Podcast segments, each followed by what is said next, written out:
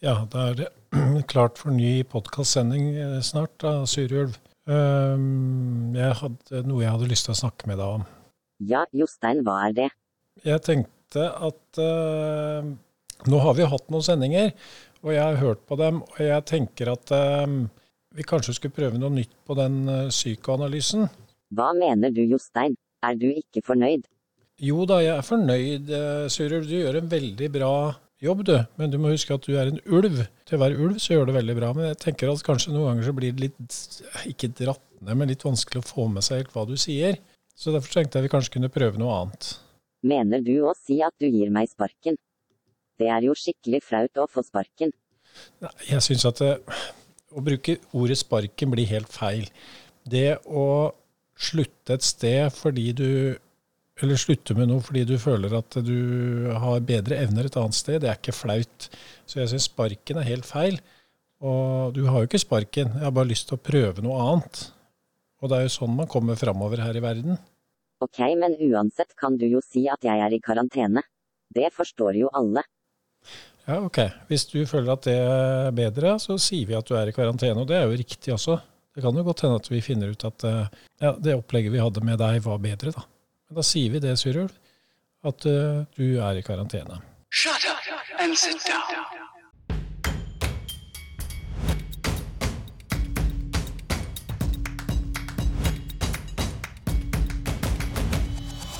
Du lytter til Drivhuseffekt, for deg som trenger litt bensin på bålet i livet ditt.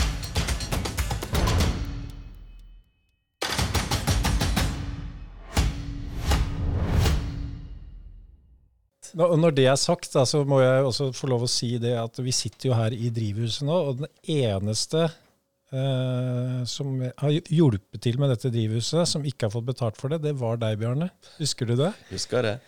Jeg hadde bestilt eh, betongbil. Ja. Og alle spør meg hele tiden trenger du hjelp, trenger du hjelp. Nei, nei. Og så kom det en betongbil, så tenkte jeg ja, nå trenger jeg hjelp. Og så ringte jeg deg, Bjarne.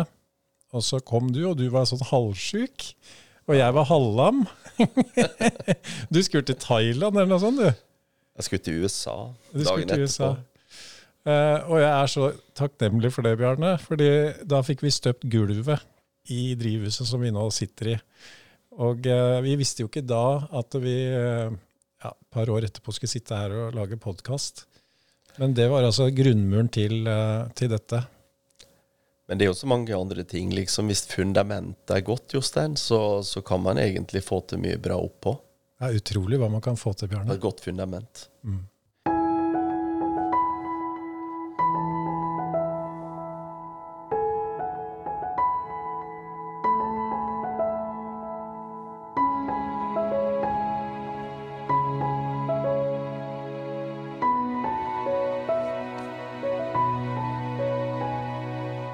Bjarne Lidvar Lid er født i stjernetegnet Tvillingen i Ålesund det herrens år 1964. På samme dag som journalisten Jon Gelius, og to dager før det kraftigste jordskjelvet i USAs historie rammer Alaska. Skjelvet, som blir målt til 9,2 på Richters skala, tar livet av 125 mennesker og forårsaker store ødeleggelser i Anchorage.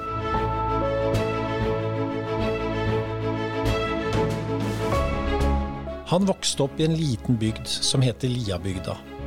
Da han ble kjønnsmoden, reiste han over fjellet og stoppet ikke før han kom til Tyskland. Der tok han sin legeutdannelse, før han returnerte til Østlandet, der han, som i en romanse i hvitt, traff sin Inger Marie fra Vestfossen. Sammen fikk de fire flotte barn og bygget opp et helseimperium av beste sort. Han er en anerkjent nevrokirurg som reiser verden rundt og deler av sin kunnskap.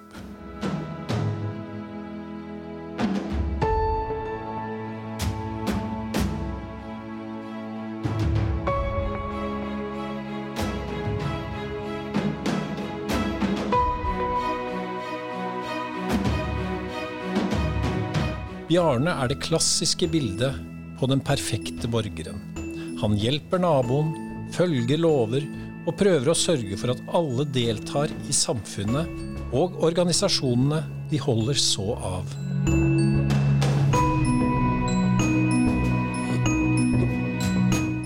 Bjarne er en fremragende ordsanger av typen bass, ølbrygger og venn. Han er engasjert i velforening, idrettslag, kor og sitter høyt oppe i Reistalia whiskyklubb. Vil også legge til at han er høy og mørk og har et fordelaktig utseende, med fortsatt intakt pannelugg. Så han har draget på det meste.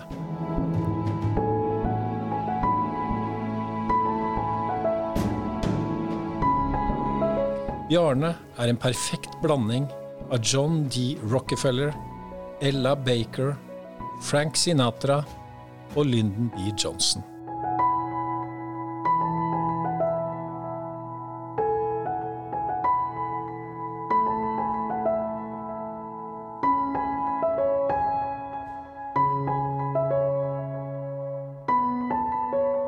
Velkommen til Drivhuseffekt, Bjarne. Hva tenker du nå, Bjarne? Ja, det var jo for så vidt en eh, oppsummering av deler av livet mitt. Jeg syns jo at det var litt svulstige karakteristikker inni der, men, men en del var jo kanskje riktig. Ja, hva var svulstig her? Er det Nei, altså Jeg eh, har prøvd egentlig å leve et eh, godt liv, og som du sier, fulgt lovene og, og vært en god medborger og hjulpet de rundt meg. Ja. Og har vært så utrolig heldig, og kanskje noen vil si også privilegert, at jeg får tatt en utdannelse som jeg kan ha nytte av å hjelpe andre mennesker med. Mm. Jeg kjenner deg jo litt, Bjarne, så jeg har jo prøvd å lage denne historien. Var den ikke litt flott, da? Jo, altså, historien var jo kjempeflott. Det var nesten som for et eventyr. At han kommer fra en liten landsby og så reiser ut i den store verden. Ja. Så det var jo veldig flott, altså. Litt sånn som i den der boka 'Brobyggerne'. De på Vestlandet som reiste over. De reiste jo til Dresden og ble ingeniører. Men du reiste fra, fra da Liabygda. Hva er Liabygda for noe? Nei, Liabygda er jo verdens fineste plass. Den Ja. ligger som ei fjellbygd oppe. Og Vi ser rett ned i Storfjorden, og om sommeren når det ikke er covid, så går det 100 cruiseskip forbi hvert eneste år. og Vi har flotte fjell og fin fjord. og Så Liabygda er en veldig, et vakkert sted. Det er klart at eh, for kanskje to eller tre tiår siden så var det en blomstrende en blomstrende bygd med fem møbelfabrikker, masse arbeidsplasser. Og, og ettersom eh, nesten ikke finnes møbelfabrikker igjen, så, så er det klart at eh, tallet på innbyggere og ansatte har uh, sunket med årene. Så det er en, møbel, en møbelbygd? Absolutt en møbelbygd fra gammelt av. Ja. Hvilke merker var det? Var det Ekornes og de, eller var det Nei, Ekornes er fra Sykkylven og Stranda. Nei, det var f.eks. Liabygda trevarefabrikk, Sverre møbler, Mm. slike ting. Var det det dine foreldre holdt på med? Nei, mine foreldre de eh, holdt på med Pappa han var veldig tidlig ute og fikk seg drosjeløyve. Allerede på begynnelsen av 50-tallet så fikk han seg drosjeløyve, og den gangen var jo bil Det å kjøpe seg bil var jo Det var ikke for hver og en å kjøpe seg en bil. Du måtte ja. ha godkjenning for å kjøpe bil, men hvis du hadde drosjeløyve, så kunne du få lov å kjøpe en bil. Og så kjøpte han seg en liten større bil som han bygde om til en lastebil. Og så drev han med lastebil og litt gravemaskin og skolebuss og alt mulig egentlig eh, hele livet. Og mora mi hun drev butikken i bygda. Så etter at hun liksom eh, Hun hjalp eh, pappa med drosjekjøring og kjørte melketransport og sånne ting. Og så seinere så drev hun butikken i mange år, helt til hun gikk av som pensjonist. Så de drev egentlig litt infrastrukturen i Liabygda di, da? Ja, de drev iallfall ganske mange ting av de tingene som man kaller infrastruktur. Kjørte søppel, kjørte skolebarn, kjørte grus. Måka snø, det gjorde han hver vinter med en stor lastebil. Og Kan man si at foreldrene dine var eh, hardt arbeidende mennesker? det vil jeg absolutt si. Og den gangen de vokste opp, de var født på slutten av 20- og begynnelsen av 30-tallet, og sånn, så var det ikke gitt at man kunne få ta utdannelse. Nei. Man måtte ta det livet som, som på en måte var der, og ta de mulighetene som var der. Og for deg var det ingen mulighet for å gå på skole, f.eks. Hvis ikke du eh, hadde fått reist over fjellet, hadde du, hva hadde du gjort i Liabygda? jeg har nok alltid hatt sånn eh, trang til å reise ut og se verden. Så jeg hadde nok aldri blitt boende i Liabygda uansett. Det er en veldig fin plass å reise tilbake til, men jeg har alltid villet så mye mer. Jeg har alltid villet se hjørnet, jeg har alltid vært nysgjerrig. Jeg har alltid villet se rundt neste hjørne, eller over neste fjord, eller neste hav.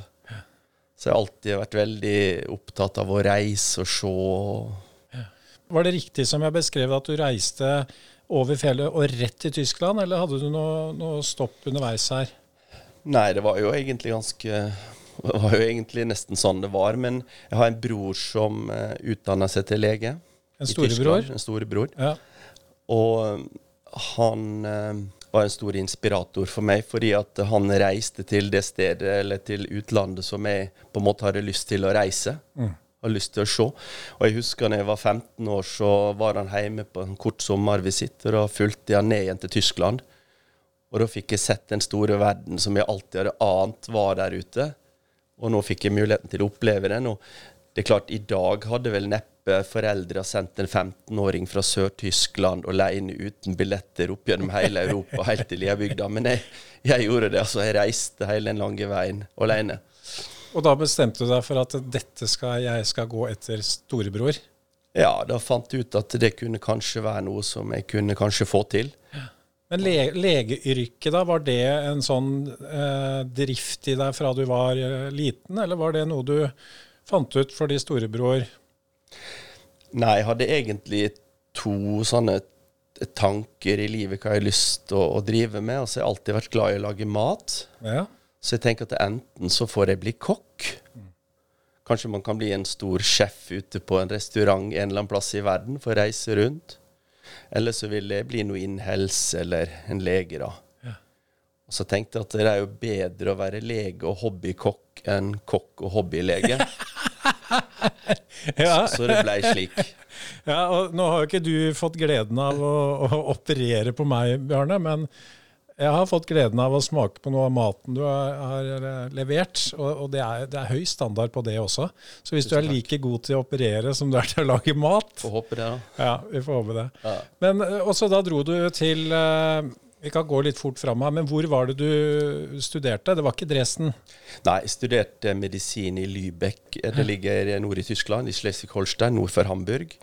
Og en helt fantastisk by som egentlig ikke var så veldig bombet under andre verdenskrig. Så det var veldig mye av den gamle bebyggelsen som, som fortsatt var der. Og, og det var et ganske lite universitet, slik at vi var eh, 150 stykker som begynte å studere på, i min klasse. da. Slik at det var veldig oversiktlig, fint universitet. da. Og da måtte du lære deg tysk. Og alt gikk på tysk, eller? Alt gikk på tysk, så du måtte lære tysk. Og jeg var ikke veldig god i tysk når jeg kom ut fra videregående skole, men eh, jeg tok et sommerkurs i regi av Goethe-instituttet på Universitetet i Oslo. Og det hjalp meg nok litt over den verste bøygen i så henseende.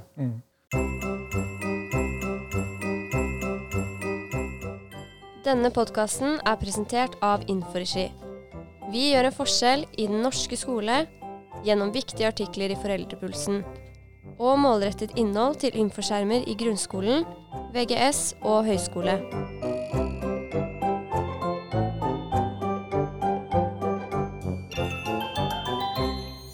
Var du god på skolen? Nei, altså jeg var jo ganske bra på skolen. Det var jeg. Så, så jeg var ikke dårlig på skolen. Jeg var heller ikke noe supertalent. Men jeg tror at det er veldig mange ting i livet ikke nødvendigvis kan måles med et, en karakterkort. Det er veldig ofte kan man kompensere det med hardt arbeid og flid. Sett i lys av det, så er det kanskje litt synd at veldig mange av dagens unge blir stoppet i sine planer fordi at en karakter er kanskje en desimalfeil, da. Som jeg synes kanskje er et, eh, en litt Ikke nødvendigvis alltid formålstjenlig måte å måle hvor egnet noen er for en utdannelse, da. Du, det, det var fint du sa, fordi det har jeg tenkt mye på, spesielt når det gjelder legeutdannelsen. Eh, For mitt inntrykk i, i Norge så er det du må ha seks i snitt. Det, det er helt ekstreme karakterer du må ha. Og så tenker jeg ofte at eh, de som har så gode karakterer, de kan jo kanskje tippe over til å bli, være nesten litt sånn uh, introverte og Altså For å være veldig god teoretisk, altså kanskje ikke du er så god sosialt. Blir det nesten da et problem for den type yrker? Ja, man har jo snakket om å, å legge om litt inntakssystemet f.eks. til medisin i Norge. At man også ser litt grann mot uh, egnethet. Mm. Men på den annen side så er det klart at eh, det å utdanne seg til lege, da skal du i hvert fall være glad i én ting, og det er å være glad i folk og mennesker. Ikke sant? Det er du helt nødt til å være, for det, du, det er noe du vil holde på med hele livet. Men det er klart, legeyrket er jo så mangt, og det finnes jo alt fra de som bare jobber på et laboratorium, til at de sitter og, og, og, og snakker med folk hele dagen som psykiatere til kanskje å være sånn som jeg har utdannet meg til, at man snakker med mange mennesker. Men samtidig så står man også inne på en operasjonsstue i timevis, og da sover jo pasientene. Ja, Og da er det en fordel å være litt introvert. Det er i hvert fall eh, en fordel å være tålmodig og utholdende. Ja.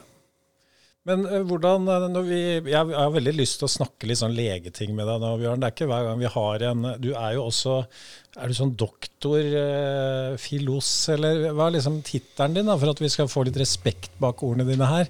Hva, hva er Ja. du? Skryt litt nå, da. Kom igjen. Ja, nei, altså Først så tar man jo en legeutdannelse. Det er på en måte en grunnutdannelsen som alle må gjennom.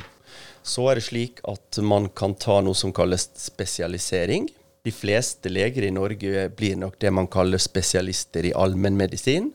Dvs. Si de er allmennpraktikere. Ok, Stopp litt der, da. Så du tar grunn, en sånn grunnutdannelse for alle, og så velger du en spesialisering. Ja, Da kan det være at du enten blir øyelege, eller spesialist i allmennmedisin, eller øre-nese-hals-lege, eller Hva valgte du, da? Ja, først så startet jeg eh, med det som kalles ortopedi. Det betyr at man opererer skader og setter inn proteser i hofter og knær, og opererer skuldre og, og slike ting. Det gjør en ortoped. Så jeg er først uh, utdanna ortoped, altså spesialist i det. Og så skulle jeg egentlig bli noe som heter replantasjonskirurg, altså sånn som syr på igjen ekstremiteter, altså arm, armer, og, armer og fingre og sånn, som kanskje gått ødel, blitt ødelagt i Ok. vedkløyvere eller, Ja. eller sånne ting. Så, så var jeg da Har du vært mye borti det? Ja, man har vært borti alt mulig som kirurg. Men så, så var jeg inne på, på Rikshospitalet i noe man kaller sideutdanning, og så merket jeg at jeg likte veldig godt å jobbe med mikroskop og, og holdt på med sånn. Syntes det var veldig fascinerende. Så da fikk jeg der tilbudet om å starte på spesialisering i nevrokirurgi. Og nevrokirurgi er et fag der man opererer skader og sykdommer i sentralnervesystemet, dvs. Si hjerne, rygg, marg, sånne steder. Er det liksom, det er det eh, i mitt, For oss utenfra så er det liksom de råeste du kan holde på med. Er det det internt òg? Ja, altså det er nok sikkert mange som mener at det henger høyt og sånn, men uh, tror jo at uh, enhver spesialitet kan man gjøre flotte ting ut av. Så på en måte, jeg har aldri sett på det egentlig sånn på den måten, men det er klart, jeg føler at jeg har vært utrolig heldig som har fått muligheten til å operere folk inn i hjernen. Å, herregud! Ut, uten å bli straffet for det, som vi sier. Ja, du, altså, du har sikkert ikke bare vært heldig, du har vært dyktig, men altså, du har da, eller du holder du på inni hjernen. Ja, jeg har gjort det i mange år, men mitt uh, hovedfokus har nok vært uh, ryggen og ryggmargen. Og jeg var veldig fascinert av det å kunne fjerne svulster fra ryggmargen. Og operere skader med brudd i nakken og slike ting. Så det har jeg også drevet mye med. Du lytter til Drivhuseffekt, podkasten som treffer blink.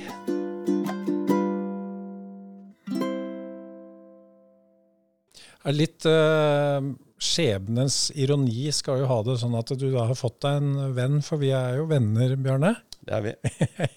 som har kompresjonsfraktur C5. Det er meg. Hva er det for noe? Hva er det jeg har? Nei, i nakken så har vi jo sju virvler. som eh, da støtter opp skjelettet. Og hvis man er uheldig, ofte er dette her ulykker som kan skje på stuping, sykkelvelt, Det var stuping for meg, ja. Ikke sant? Mm, ja. Så, så det er en ganske vanlig skade som blir behandla på nevrokirurgen på Ullevål, hvor man har sentralisert uh, de skadene. Og mm, jeg tror nok at vi opererte en ca. 120 brudd i nakken. Ikke alle, heldigvis, som, Yes. som gjorde at man var uh, lam, men hvor man hadde brudd i nakken. Så det opererte vi ca. hvert år, da. Problemet med mye vev i ryggmarg og hjerne og sånn, er at eh, du har på en måte fått det utlevert én gang. Og hvis du skader det veldig, så, så klarer egentlig aldri kroppen å reparere det, sjøl ikke med den mest, beste behandlingen. Så du har på en måte vært veldig uheldig, og du kan liksom ikke Så hvis du brekker et bein, så klarer vi stort sett å rette det opp igjen og få det til å gro, og det blir Du kan spille fotball igjen og gjøre de tingene du vil, men knekker du nakken og skader ryggmargen, så er det en uopprettelig skade. Er det unikt med, med nervesystemet? At er det, det nesten det eneste som ikke liksom klarer å gjenopprette seg på den måten? Ja, det kan man for enkelhets skyld si, altså. Ja, du må love å snakke litt enkelt med meg. Så, Og så er det klart at eh, hjernen på mange måter har jo mange sentra som på en måte er ekstremt viktige, som hvor man på en måte ikke tolererer noe skade. Men så har du områder imellom som du egentlig kan merkelig nok leve helt og et vanlig og et godt liv selv om du har skader. Men i ryggmargen så er det veldig lite eh, slingringsmonn. Det vil si at eh, du har en ryggmarg ned gjennom som går fra hodet og ned gjennom ryggen din, som kanskje er så tjukk som en tommel på en voksen, eller en pekefinger, eller noe sånt. Og den er helt unik, og den reparerer seg ikke, og du har veldig lite sånn Du har ikke så mye reservekapasitet å gå på, da. nei, og det, jeg har jo merka det. Jeg har jo noe rester etter det. Og jeg fikk jo eh, fraktur C5. Det betyr at det var femte virvel. da. Er det da riktig at det alt over femte karakteriseres som hjerneskade? Nei, man vil vel ikke kalle det hjerneskade om du har et brudd på C4 eller C3 heller. Men det er klart det at eh, dess høyere opp i nakken du kommer, dess eh, flere og i hvert fall hvis du skader ryggmargen komplett, da, så vil du jo på en måte miste flere og flere funksjoner. Og når du kommer høyt nok opp, så vil det å bare kunne puste være veldig problematisk uten pustehjelp. Akkurat så, så lenger ned du går, jo færre ting mister du. ja, det slenger ned i nakken og ned i brystvirvelsøyla, så på en måte dess mer på en måte funksjoner kan du, kan du bevare. Så hvis du bryter f.eks. Bryst, i brystvirvelsøyla, vi har tolv brystvirvler, hvis du bryter eh, midt på de, så vil du f.eks. ha helt normal funksjon i hendene dine.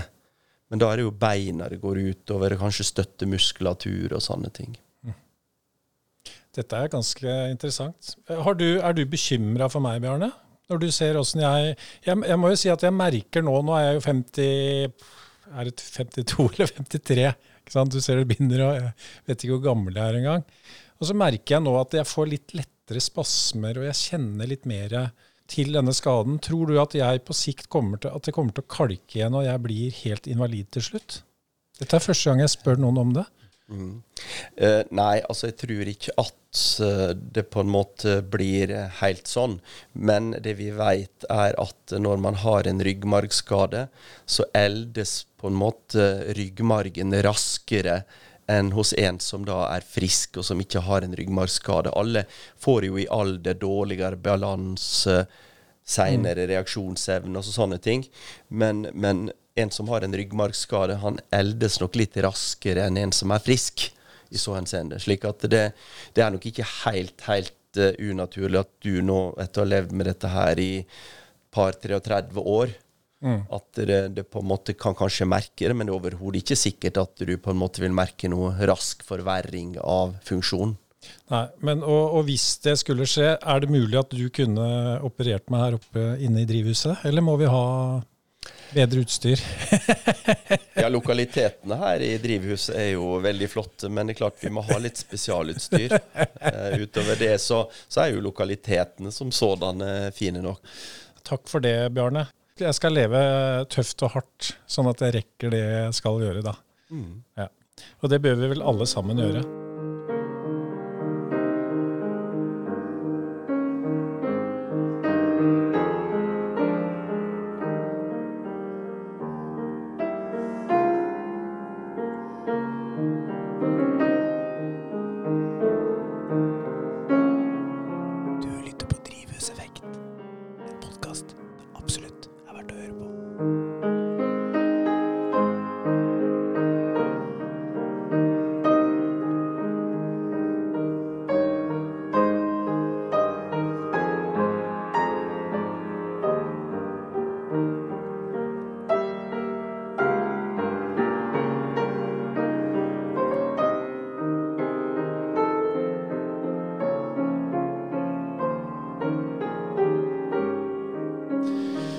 Spesialiserte deg innen nevrokirurgi, Ja, og altså så ble du overlege, eller? Ja, overlege er egentlig på en måte ikke noe utdannelse, det er mer en stillingsbetegnelse på en måte på at du er spesialist i et fag. Og jeg var da først spesialist i ortopedi, altså det med hofter og knær og skader og sånn. Og så har jeg blitt spesialist i nevrokirurgi med, med hjerne og ryggmarg og sånne ting. Og så påbegynte jeg i 2005 så påbegynte jeg eh, doktorgraden min. Og fikk veldig god hjelp av professor Eirik Helseth. Og han eh, var en god støttespiller i, i alle år. Og jeg disputerte i 2012. Ja, og den, jeg har googla der, skjønner du, og der har jeg fått ut den. Og der står det 'Complication and clinical outcome after surgery from symptomatic subscrical serval diagrensive disease'. Hva var, det du, hva var dette? Nei, egentlig så er det der en, en vanskelig omskriving av eh, egentlig et eh, ganske enkelt tema. Og det gikk på at eh, det å operere nakken til folk, det har man eh, rundt omkring alltid tenkt at det må være så veldig, veldig farlig. Og man sier at nei, det siste er å bli operert i nakken og sånn. Det er klart ingen som, som aktivt eh, synes det virker bra å skulle bli operert i nakken, da. Men hensikten med eh, min doktorgrad var å kunne dokumentere at hvis man gjør ting riktig, og ikke minst på en måte har gode systemer rundt behandlingen, så kan man eh, på en veldig trygg måte operere tilstander i nakken. Okay. Og for å sette det på en måte litt i perspektiv Når jeg begynte med doktorgraden min, så var det slik at pasienter som ble operert for en skivutglidning i nakken, det vi kaller et prolaps, som er en ganske vanlig lidelse i befolkningen, så lå eh, pasientene på sykehus ca. ei uke. Nå opererer vi de akkurat samme pasientene, og de reiser hjem igjen fire timer etter operasjonen. Yes. Så det er klart, vi sparer samfunnet for enorme ressurser. Og doktorgraden min var på en måte et bidrag i så henseende at vi kunne dokumentere at dette her er trygg og god behandling, hvis gitt at man har gode systemer rundt. Dette var uh, interessant og tøft, Bjarne. Uh, oppsummerte vi med at du er, altså du har doktorgrad. Ja. Ja. Kan du komme noe høyere enn det? Ja, så Fra gammelt av så er jo doktorgrad den høyeste utdannelse som et universitet kan gi. Ja, Så da kan du ikke komme høyere. Så du kan si at du kan kvalifisere deg for akademiske titler innad på universitetene og sånn, men Kunne, det, kunne du tenkt deg det å drive med noe undervisning og sånn? jeg har drevet masse undervisning opp igjennom. Ja, for du har reist rundt i verden og du har hatt, du har hatt fravær i koret. Bjarne synger i koret vårt, skjønner dere. Du har hatt fravær i koret for du har reist sånn nede i Østen og driver på sånn seminar og, og snakker om dette her, da, eller? Ja, vi har hatt eh, egentlig Jeg har hatt et veldig godt samarbeid med Eirik Helseth, som er professor på Universitetet i Oslo. Vi har sammen hatt en veldig enkel filosofi.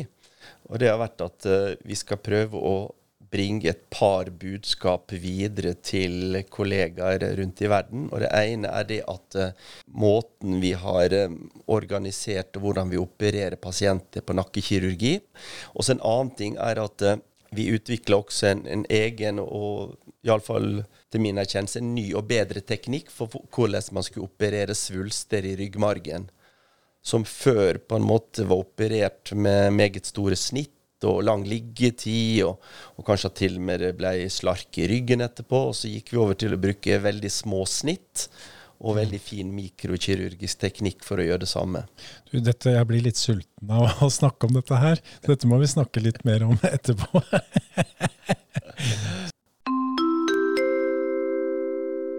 Dette er en melding til en sporty lytter. Du kan nå snu og gå hjem.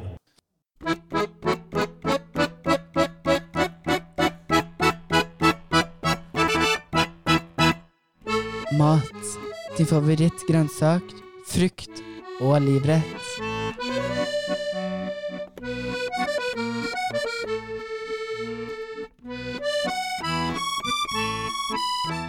Det er nesten din andre hjemmebane, dette der, Bjarne.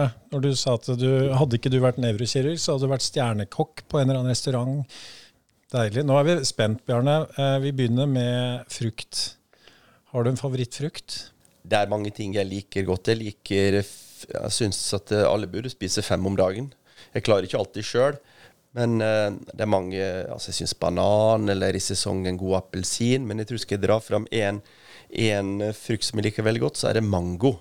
Mango? Ja, men mango man må passe på i butikken når man kjøper at den er akkurat passe moden, eventuelt la den modne hjemme på benken. Hvordan skal den kjennes ut da? Det viktigste er at den på en måte har den rette modningen, på en måte, for da, da smaker den veldig søtt og saftig og godt. Hvordan spiser du den da? Nei, altså Jeg spiser den bare sånn. Og vi har den i Mauler? salat. Ja, mauleren. Har den i salat og veldig godt sammen med laks, f.eks. Grønnsaker, da? Igjen så er det mange grønnsaker jeg liker godt, spesielt i sesong. Og vi bor jo midt i eh, jordbruksland her, og sånn, og det er ganske, ganske Ganske fascinerende at du kan liksom bare ta et blomkål eh, hjemme hjem og så lage helt fantastisk rett av det. Men jeg tror skal jeg velge én grønnsak som jeg liker ekstra godt, så tror jeg det er avokado. Så du er veldig sånn sydlandsk, da. Det er liksom mango og avokado og Det er Ja, veldig har- fint. Nå sitter du ved et avokadotre her, da. Det er helt fantastisk. Nei, altså det Jeg er nok litt eh, sydlandsk eh, av meg, og jeg er jo kanskje fett, født i feil land, på en måte. Jeg liker veldig godt vinteren og ski og sånne ting, men jeg liker også veldig godt eh, at det er et par grader varmere. Og da, er- nå er vi veldig spent på livretten til eh, den stjernekokken hele verden gikk glipp av. Hva lager du? Nei, altså Jeg vil ikke akkurat eh, liksom si at jeg lager så veldig avansert mat, for det, det er egentlig ofte det beste, som det heter i reklamen. Men jeg tror skulle jeg valgt med noe fra sjøen, så tror jeg rett og slett det måtte bli gode reker. Hvordan spiser du det? Mauler du de òg, eller? Ja. Eller spise med avokado og dill. Ah, Litt sitron, hva? ja. Skal du ha noe glass òg, eller? Ja, jeg syns at et eh, glass øl sånn, eh, kan være veldig godt. Jeg er veldig interessert i øl og liker godt å brygge øl og sånn. Syns det er vanskelig å få jevn kvalitet på brygginga vår, men det er eh, hyggelig. Jeg liker også et glass hvitvin. Hvis du ser på kaffekoppen din, vi sitter jo her og koser oss med kaffe nå. Hva står det på den? Står Krakow. Har du noe forhold til Krakow? Har du ikke fått kaffe? Jo da, jeg har drukket nok Ja, du skal få mer etterpå. Eh, Jeg har eh, faktisk eh, et etter hvert nært og godt forhold til Krakow. For det første så har jeg vært der sammen med deg på Du har solgt bil der, har du ikke det? Kjøpt bil. Kjøpt bil, ja! Kjøpt bil i Krakow. Ja. Og har vært der med mm, aktive fredsreiser. Fantastisk eh, tur der med, med veldig fine ungdommer fra Enig. byen ungdomsskole. Enig. Og nå har jeg en datter som studerer i Krakow. Så når covid begynner å roe seg litt ned, så forhåpentligvis flere turer dit. Et veldig fint sted. Veldig fantastisk by. Men datteren din, hun følger ditt fotspor, eller? Ja, og iallfall begynt å studere medisin, og så får hun se om hun trives mer og Mm. fortsette med det. Ønsker du øh, Vil du eller anbefaler du alle barna dine å gå den veien? Nei, jeg har egentlig ikke prøvd å påvirke i noen særlig grad hva de skal gjøre. Um, prøver å oppfordre til å være så flink som mulig på skolen og være så bra som de klarer å være, for det, det gir en i hvert fall flere muligheter i livet. Mm. Og så er det ikke nødvendigvis at man uh, trenger å ta noe høy utdannelse for å være lykkelig. Så det må man finne ut. Uh, mange gode veier kan føre til Roma. Og Krakow. Og Krakow.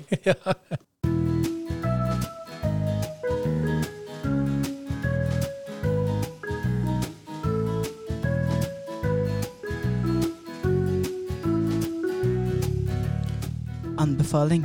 En spesiell kulturell ting du er besatt av.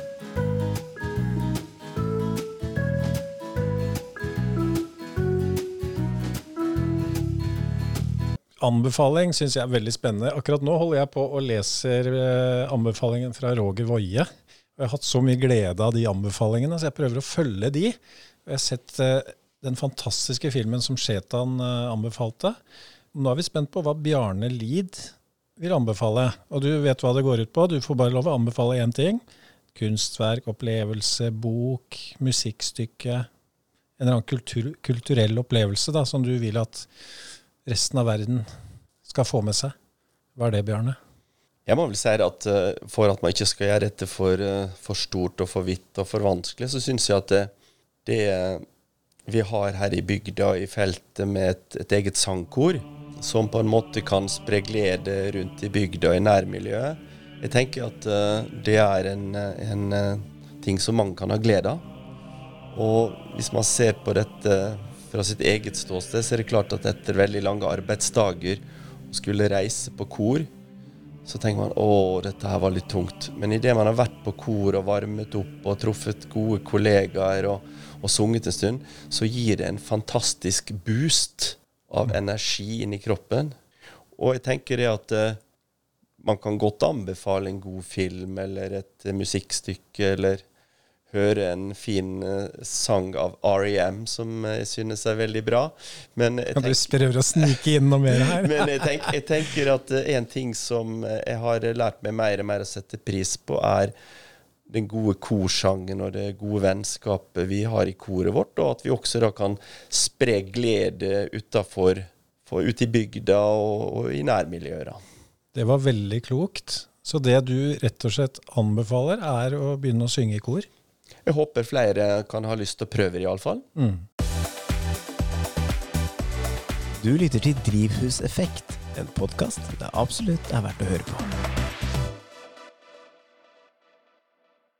Nå har vi snakket en del tidligere om legevitenskap og nevrologi og sånn. Så er det det harde presset du jobber under. Du har jo bygd opp et uh, lite helseimperium, kalte jeg det. Du har to klinikker eh, hvor dere holder på og, og behandler mennesker. Ja. Eh, hvor mange ansatte er det der nå? Kanskje 40-50-60 stykker jobber på en eller annen måte for oss. Men eh, å, å drive en sånn eh, stor bedrift som dette er blitt, Oslofjordklinikken dere, jeg må skryte litt av den, og det er mange som har vært der. Da treffer de Bjarne når det er ryggen, da. Ja. Rygg og nakke. Hvor mange rygg- og nakkeoperasjoner har du gjort? Det er veldig mange år siden jeg sluttet å telle, men for noen år siden så hadde jeg iallfall gjort 15 000 ryggoperasjoner. 15 000. Ja. Er det, for oss som ikke har noe greie på dette, å gjøre en ryggoperasjon, blir det omtrent det samme som for meg når jeg åpner forgasseren på, en, på bobla? At det ser helt likt ut, og at du gjør det samme hver gang? At det blir en rutinejobb, eller? Det er helt klart et system du jobber under, iallfall. Men eh, alle mennesker, selv om vi har en ganske stor likhet likevel, så er vi alle likevel veldig forskjellige innvendig. Ja vel? Så du må på en måte alltid individualisere teknikken til det du ser. Det er ikke alltid at du bare kan på en måte ting fra A til B. Det er ikke sånn. Nei, også så du må følge med, Absolutt. ikke rutine. Det blir jo likevel på en måte ett slags rutine, og mange ting rundt et inngrep her, men det er veldig krevende um, konsentrasjon, fordi at det, gjør du en feil, så får det uh, veldig alvorlige eh, konsekvenser, altså. Så det er på en måte å være veldig våken eller overvåken når du holder på hele tida. Er det lov å snakke om feil? Har du gjort feil? Ja, helt sikkert masse feil, men eh, jeg har ikke på en måte i erindring noen gang at det er blitt gått noe katastrofalt feil. Det har jeg ikke. Men eh, det er klart at eh, man gjør jo ting som man kanskje kunne tenkt at det kunne vært gjort på en annen måte. Eller hva hvis jeg hadde gjort sånn? Mm. Men jeg har ingen katastrofer i, eh, i, i minnet som jeg har forårsaket. Nei. Når du har eh, Nå, nå når du driver Oslofjordklinikken, så jobber du ikke med sånn akuttmottak og, og sånne ting, regner jeg med? Nei, jeg gjorde jo et valg for noen år siden at, eh, at jeg ikke klarte å på en måte ha så mye jobbelasting lenger. Så Mm. nå jobber jeg kun på Oslofjordklinikken. Og det er jo planlagte inngrep da, Mm. som vi gjør. Mm.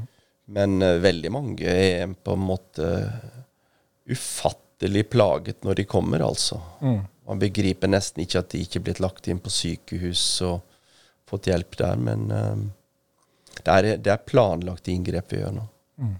Det må være veldig godt å legge seg da, selv om du er stuptrøtt når du, du legger deg, for du kjører hardt, eh, har jeg skjønt. Og vite at du, du hjelper folk, og du ser det også. Jo da, altså man ser jo hver dag og får jo tilbakemeldinger hver dag på at uh, man har gjort en forskjell for folk. Mm. Og det er jo veldig tilfredsstillende, men det er klart det er jo en, det er jo en psykisk belastende jobb man har valgt. Mm. Slik at uh, man er jo på en måte alltid litt på alerten og, og Drømmer du om dette her? Har du mareritt og Nei, jeg tror ikke jeg har mareritt om det. Det har jeg ikke. Nei. Jeg har jo drømt bare om at du skulle komme hit i podkasten og sovet dårlig. Så det er ikke mer press som skal til for meg. Men jeg tenker på hvis du jobber, og i den tiden hvor du også jobbet på akuttmottak, og jeg vet ikke om du var på jobb under 22. juli. Eh, jo, jeg var på jobb. Jeg skulle akkurat begynne på ferie den dagen. Så, um, så da ringte de fra mottagelsen, og jeg tror klokka var sånn tre-halv fire eller noe sånt, om at eh, man måtte ikke dra hjem fordi at det hadde skjedd noe nede i eh, byen. Mm. Regjeringskvartalet. Og så Jeg jobbet på Ullevål på den tiden, og Ullevål sykehus er helt fantastisk organisert. Et fantastisk sykehus. Og vi tok, brukte ikke mange minutter på å organisere store, velkvalifiserte team som kunne ta seg, ta seg av de som kom inn fra regjeringskvartalet. Når de fra Utøya kom inn, da hadde jeg reist i ferie. Da hadde vi liksom kontroll på det, på en måte. Og, men uh, det var veldig, veldig mange som, som jobbet hardt de første døgnene. Men det var nok mest de som drev med mage-tarm-problematikk, som hadde mest å gjøre. For oss så er det den episoden her var kanskje veldig lett å, å, å tenke på, men når du jobber på et akuttmottak, så er det vel sånne hendelser hele tiden? At det kommer inn trafikkulykker og Ja, 22. juli vil vi vel aldri glemme, på en måte. Men, eh, men det er klart at eh, du har jo enkeltepisoder hver eneste dag som jo for den enkelte akkurat like ille som skadene på 22. juli. Mm. Altså de blir slått ned, og de faller ned, og det er ulykker. Og, og skadene som sådanne er jo, er jo likedan. Det var jo, det var jo på en måte, for å bruke ordet, galskapen i dette her, og det vanvittige som skjedde den dagen, som, som vel har eh, gjort at dette var veldig, veldig spesielt for oss, og ikke minst omfanget, selvsagt. At det var så mange. Mm. Men det er klart, hver eneste dag tar man mot folk som både har skadet seg stygt og får, og får livet sitt forandra etterpå. da. Mm.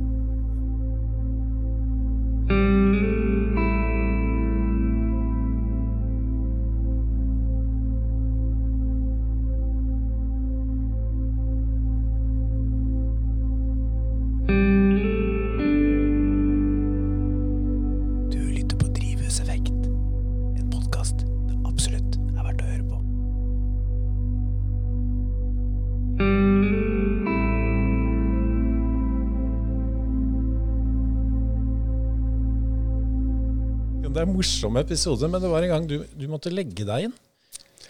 Ja, I ettertid så er det jo på en måte kanskje litt morsomt, men det var ikke så veldig morsomt da. For jeg, jeg hadde um, vært i Asia med familien og, og kom tilbake og hadde to veldig lange, harde arbeidsdager på Ullevål. Og så reiste jeg på et kurs uh, i Innsbruck og vi hadde lange kursdager der nede.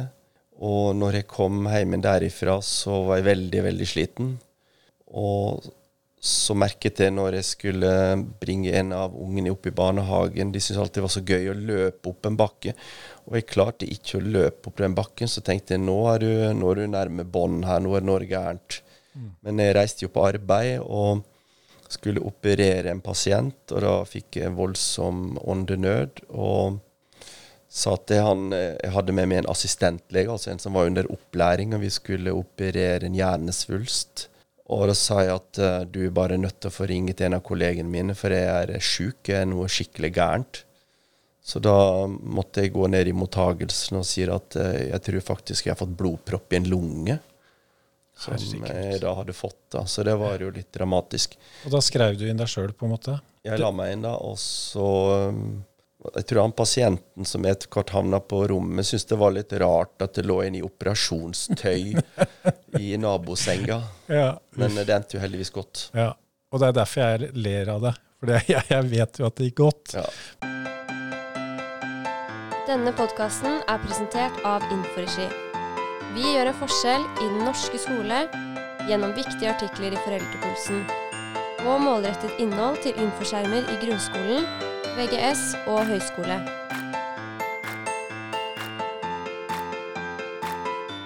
Jeg vet ikke om jeg vet hva sliten er, når du forteller om det, det du holder på med, Bjarne, men du har en utrolig steierevne. Og så er egentlig litt prisen òg, da, at du har lykkes så godt hele veien her fra du reiste over fjellet og ble lege, familien din, bedriften din, som går som bare det. Så på en måte så er du jo også nå fanget i din egen vellykkethet. da. Og ser du noen vei til å komme ut av dette, så kan du begynne å nyte dette. Du har jo penger nok, du har familie, du har, du har på en måte lykkes med alt. Og du har oss gutta i koret. Ja, det er viktig. Det er viktig. Men Nei, jeg altså, skjønner du hva jeg mener? Ja, jeg forstår hva du mener. Og det, det er klart at det, det vil nok Jeg vil nok være i samme situasjon som veldig mange som, som kanskje starter en bedrift, eller som er gründere, som, som brenner for dette her, og, og, og kanskje involverer mange personer og sånn. Slik at det er ikke lett å bare slutte. Det er ikke sånn at man bare kan si at OK, jeg slutter, jeg vil ikke jobbe her lenger. Det, det er klart at det, det fanger nok en del, men samtidig så så skjønner jeg jo at eh, man også blir eldre med årene, og at man eh, må enten tre ut av dette her og finne noen andre som overtar, eller iallfall at man får yngre krefter inn. Så nå har vi nettopp tilsatt en ny nevrokirurg som er et par og 40 år.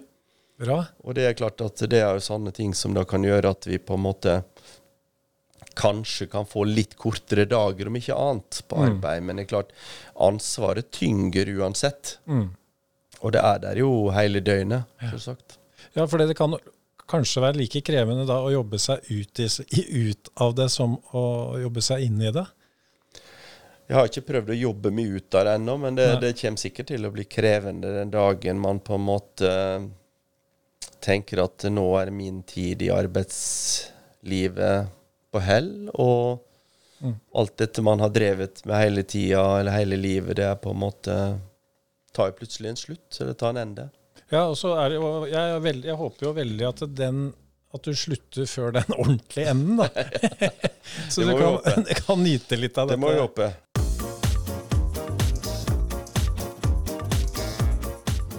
Gjenbruk. En vandregjenstand fra forrige gjest.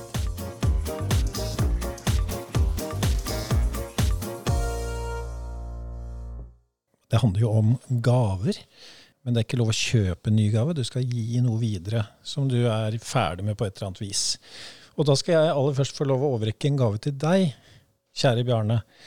Og den har jeg her. Eh, Og den er fra en dame på 87 år. Du har ikke fått hørt denne episoden rett før deg ennå. Eh, Den er fra Eva Øyrud, som jeg var oppe og besøkte, og vi spilte Beethovens symfoni. Det var en fantastisk episode, så hvis ikke du har hørt den, bør du høre den. Og hun ville gi en liten bok som heter Ord om glede. Den håper jeg du tar med deg videre. Tusen takk. Vær så god. Da skal jeg lese. Ja, og det er sånn, Den kan du ha liggende på kontor eller på nattbord eller Mm. Hvor som helst. Og da er vi veldig spent på hva Bjarne har med seg.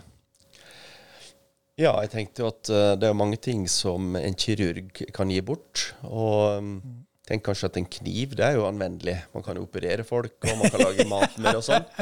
Så, men det ble ikke en kniv. Nei, ok. Um, som jeg sa litt i stad, så har jeg nok hele livet hatt et slags uh, trang til å reise ut og oppleve og se. Jeg har nesten vært over hele verden, eller iallfall i veldig, veldig mange land etter hvert.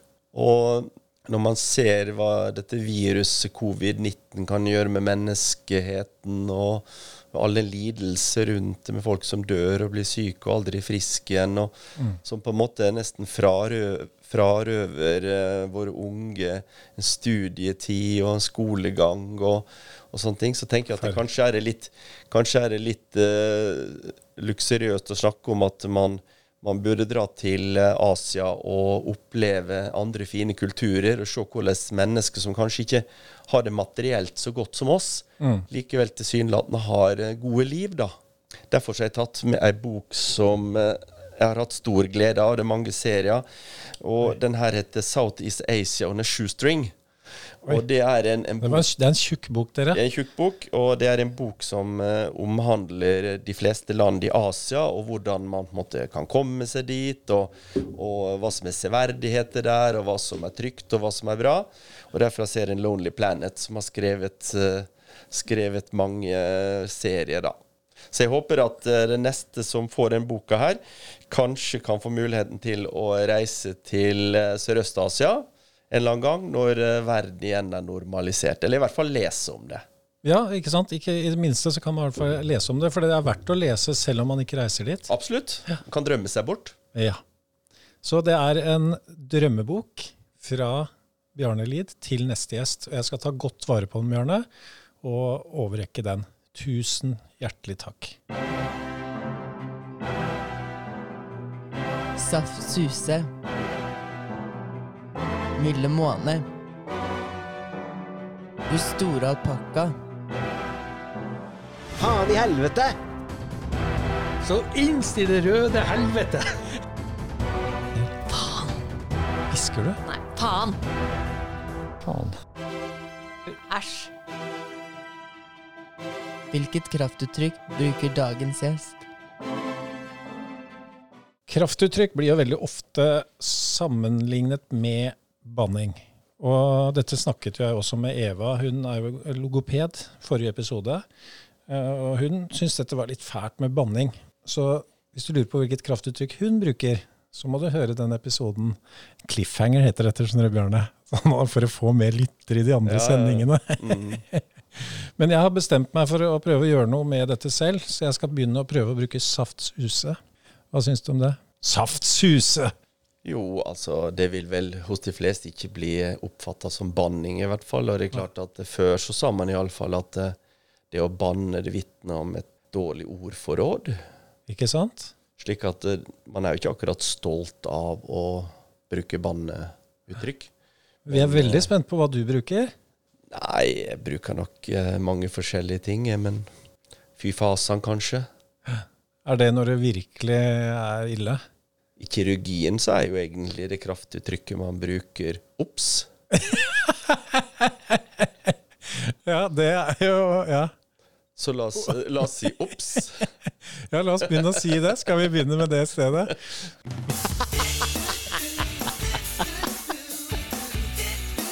Du lytter til Drivhuseffekt, en podkast det absolutt er verdt å høre på. Hva var din første jobb? Jeg jobbet på kirkegården med å slå gresset og vaske kirka. Hvis du skulle satset 100% på en sport som du har et talent i, og vi skulle hørt om nå verdensmester Bjarne Lid, i hvilken idrett hadde det vært? Nei, altså jeg hoppa på ski i yngre år, men uh, jeg tror aldri jeg kunne blitt noe verdensstjerne. Hadde du noe kjæledyr da du var liten? Vi hadde en katt hjemme. Har du noe kjæledyr nå? Nei. Bortsett fra din kone? Ja, så har jeg akvariefisker, Og du har det? og de må jeg drive og mate. Liker du best soloppganger eller solnedganger? Jeg tror nesten jeg liker soloppganger best. For da har du liksom hele dagen foran deg til å gjøre fine ting. Hvor mye sover du? Nei, det varierer nok veldig, altså. Men uh, generelt så sover jeg ganske bra. En, sikkert en seks-syv timer, iallfall. For det er viktig. Ja, søvn er veldig viktig. Altså, hvis man ikke sover, så blir man faktisk eh, veldig, veldig sjuk etter noen dager. Grunnen til at jeg spør om du sover, er jo at eh, jeg vet jo at du har et veldig hektisk liv, men du er jo så utrolig dedikert i nærmiljøet og familien din, og du kjører rundt og du har hytte og du styrer og ordner hele tiden. Er det sånn du vil ha det? Er det det som er Bjarne? Jeg er nok ikke skapt for å være i ro. Nei. Tror ikke det. Men det er klart, jeg kan jo slappe godt av i perioder jeg også, men jeg, ikke, jeg må alltid holde på med et eller annet, nesten. Mm. Er det noen ting du føler at du ikke har fått uh, satt deg inn i nå så langt i livet? Ting du skulle ønske at du kunne drevet med? Noen hobbyer eller noe sånt? Ja, jeg har flere hobbyer på en måte som jeg godt kunne tenkt meg å, å drive med. Men det er klart det er ikke alt som, som på en måte ligger til rette for å, å drive med. Men jeg tror jeg kunne godt trives med å, å drive litt mer med snekkerarbeid. Jeg kunne sikkert trives med å skru på en eller annen gammel bil og reparere ting. Hvis du skulle bodd i et annet land, hvilket land skulle det vært? Eh, Tyskland, kanskje. Hva gjorde du ved midnatt i går? Det, Det kan du ikke si. det kan jeg ikke si. Nei, det er greit.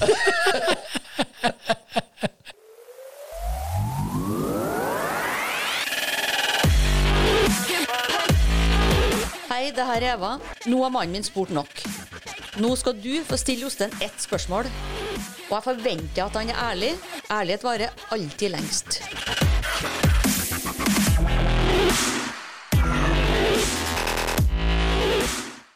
Nå er jeg veldig spent, da. Jeg har ett spørsmål til deg, og, og det, er egentlig, det er egentlig ikke noe sånn eh, Sikkert noe veldig sånn, vanskelig å svare på det heller, for jeg tror, jeg tror det ligger eh, måte lett for deg. Men du Jostein er, som jeg sa i stad, også veldig engasjert i veldig mange ting.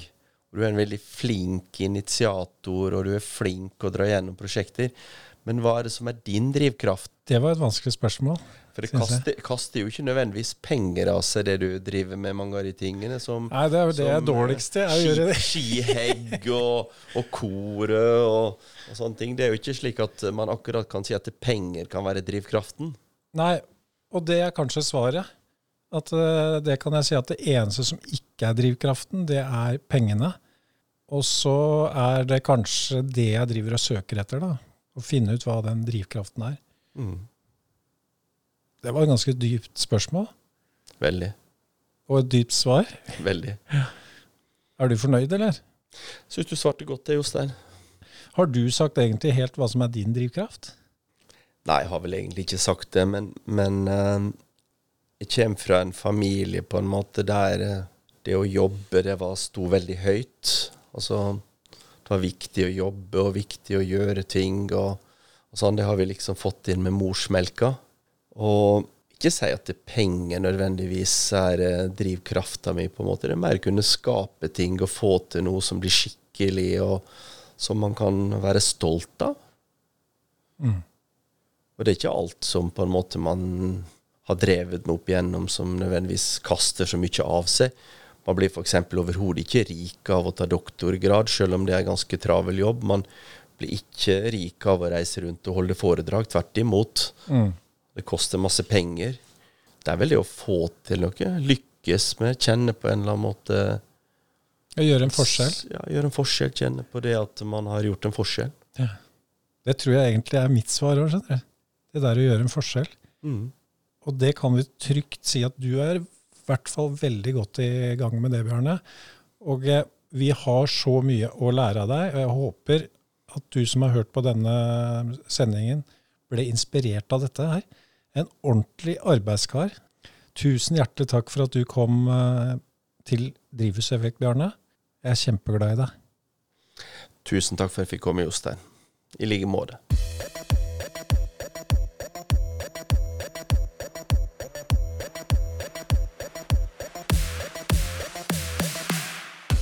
Du lytter til Drivhuseffekt, for deg som trenger litt bensin på bålet i livet ditt.